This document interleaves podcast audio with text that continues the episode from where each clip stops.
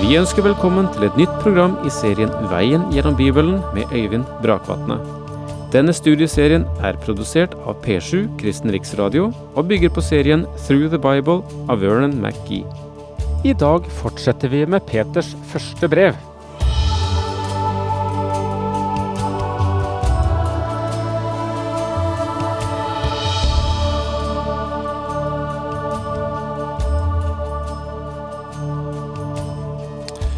Etter å ha talt om hvilket fabelaktig grunnlag Jesu forsoning er eh, for et menneskeliv, så går han over til å fortelle litt om, fra forskjellige livssfærer, hvordan dette livet som er begynt i Kristus, skal utkrystalliseres, gis til kjenne, være aktivt i den verden som den troende lever i.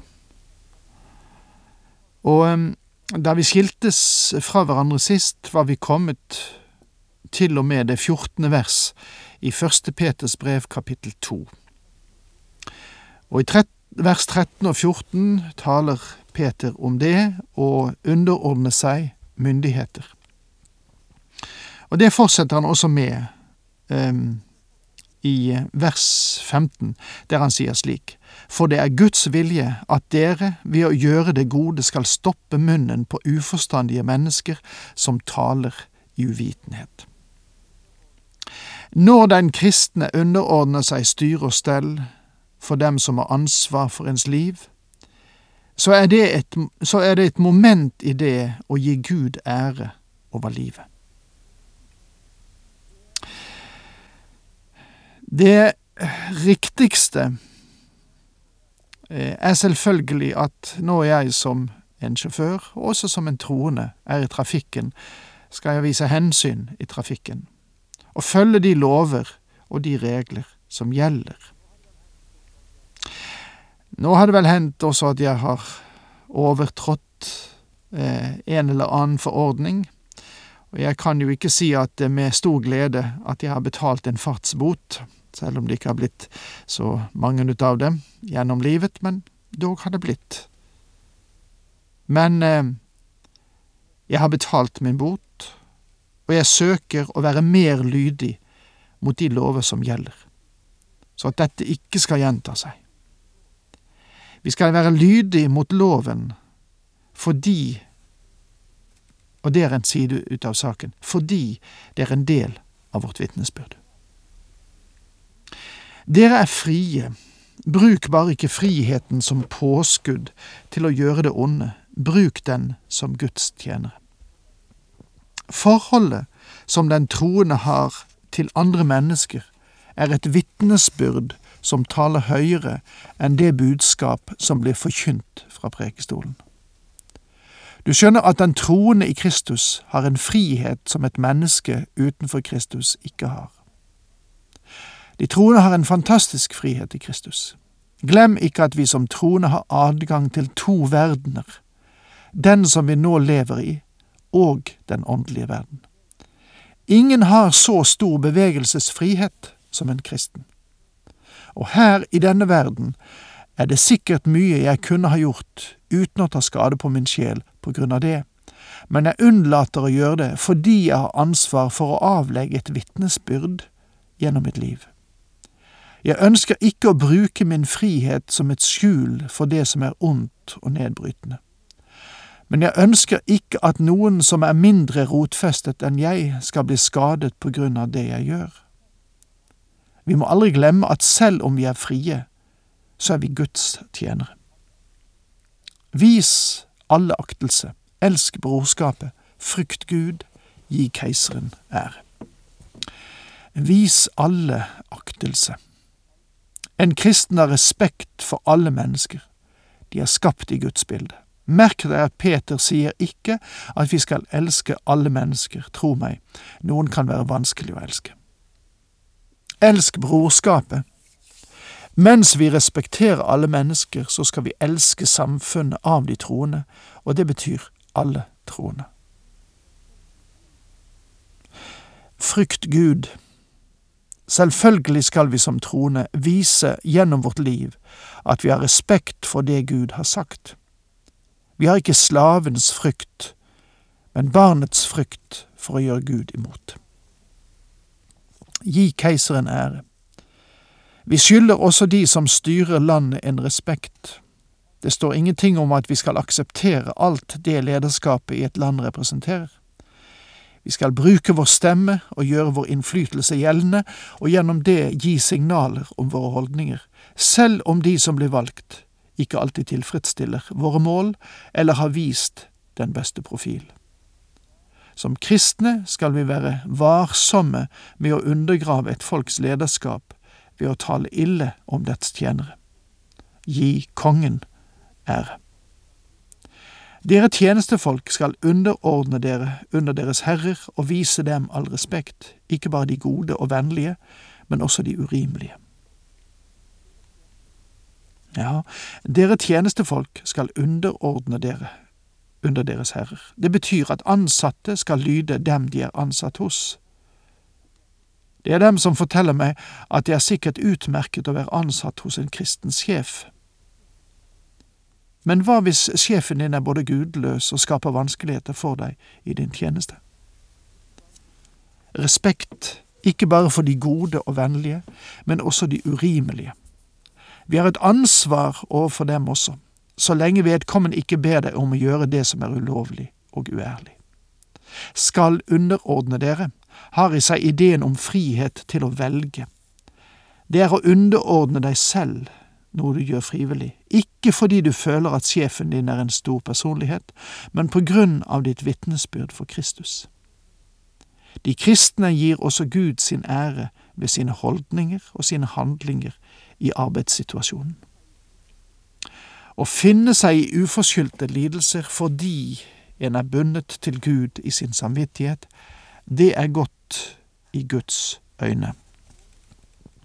Om dere tåler straff når dere har gjort noe galt, er det noe å rose dere for, men har dere gjort det, det som er rett, og så holder ut når dere må lide, da er det godt i Guds øyne. Om dere tåler straff når dere har gjort noe galt, er det noe å rose dere for. Straff betyr å slå med hånden eller knytte neven. Dette var ofte den behandling som slavene fikk på Peters tid. Om en slave stjal eller løy eller protesterte og nektet å arbeide, så kunne Hans Herre ta og banke ham opp med bare nevene. Peter sier at om dere blir banket for en slik sak, og da tar det på en god måte, så har dere ikke noe å rose dere av. Den bank du fikk, var din egen feil. Gud kommer aldri til å gi deg anerkjennelse for din utholdenhet i en situasjon som det. Men har dere gjort det som er rett, og så holder ut når dere må lide, da er det godt i Guds øyne. Selvfølgelig, den naturlige reaksjonen for oss alle er å slå igjen når vi er blitt urettferdig behandlet, og jeg må bekjenne at det er min første reaksjon, men etter hvert har jeg lært noe bedre og la Gud ta hånd om det. Gud sier hevnen er min, jeg vil gjengjelde, og han gjør en mye bedre jobb med det enn jeg kunne gjøre. Jesus selv sa, Salige er dere når de for min skyld håner og forfølger dere, lyver på dere og snakker vondt om dere på alle vis. Gled og fry dere, for stor er den lønn dere har i himmelen.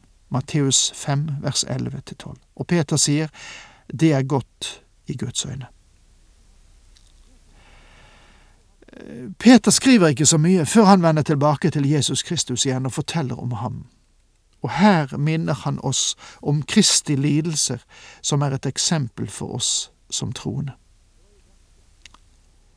Det var jo dette dere ble kalt til, for Kristus led for dere og etterlot dere et eksempel for at dere skulle følge hans spor. Han gjorde ingen synd, og det fantes ikke svik i hans munn. Da vår Herre Jesus Kristus var her på jorden, så bar han to typer lidelse. Han led som et menneske lider, fordi han var menneskelikt. Han led for rettferdighetens sak, og han led også for verdens synd. Hans lidelse for verdens synd er ikke et eksempel for oss, det er vår forløsning. Det er noe vi tror og aksepterer, men vi kan ikke kopiere eller imitere den. Men i sitt liv her nede etterlot han oss et eksempel. Under sine 30 første år i Nasaret så led han over å bli latterliggjort og misforstått, som Salme 69 forteller det. Så begynte han på sin offentlige tjeneste, og evangeliet forteller hvordan han led for rettferdighetens sak.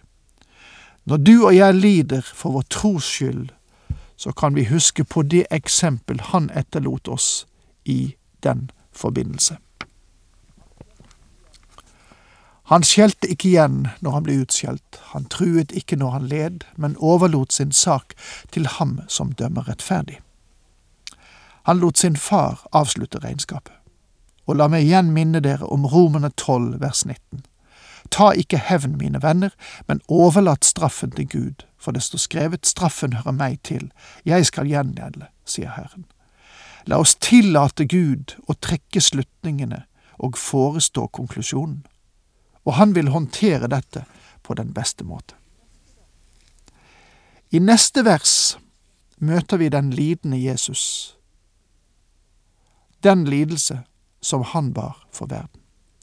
Han bar våre synder på sitt legeme på korstreet, så vi skulle dø bort for, for synden og leve for rettferdigheten. Ved hans sår har dere fått legedom. Dette er ikke et eksempel som settes fram for oss. Du og jeg kan ikke lide på en slik måte at det tar bort vår synd eller andres synder. Vi kan ikke ta på oss lidelse for verdens synd i forsonende mening. Peter taler her om vår forløsning. Han bar våre synder, og det er situasjonen. Ved hans sår har dere fått legedom. legedom for hva? Jeg er klar over at når mange taler om fysisk helbredelse, så brukes disse ordene ved hans sår har vi fått legedom. Men de henviser til Jesaja 53 vers 5 og ikke til dette verset i første Peters brev. For Peter gjør det helt klart at denne helbredelsen ikke er fra sykdom, men den er fra synd. Jeg er helt enig i at den Herre Jesus kom for å være den store lege. Men hans primære hensikt var helbredelse fra synd. Ingen lege kan håndtere det problemet, og Peters bruk av ordene fra Jesaja 53 vers 5 forteller oss at profeten Jesaja talte ikke i første rekke om fysisk helbredelse, men om det som er viktigere og mer grunnleggende, helbredelsen fra synd.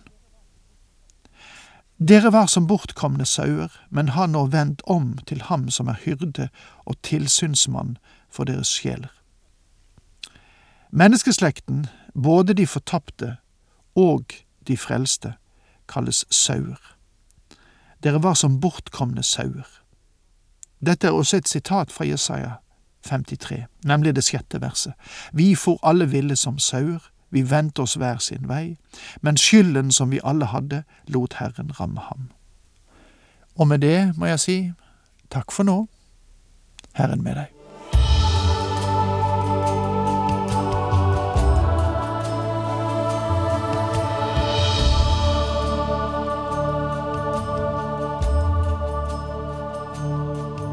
Du hørte Øyvind Brakvatne i studieserien Veien gjennom Bibelen.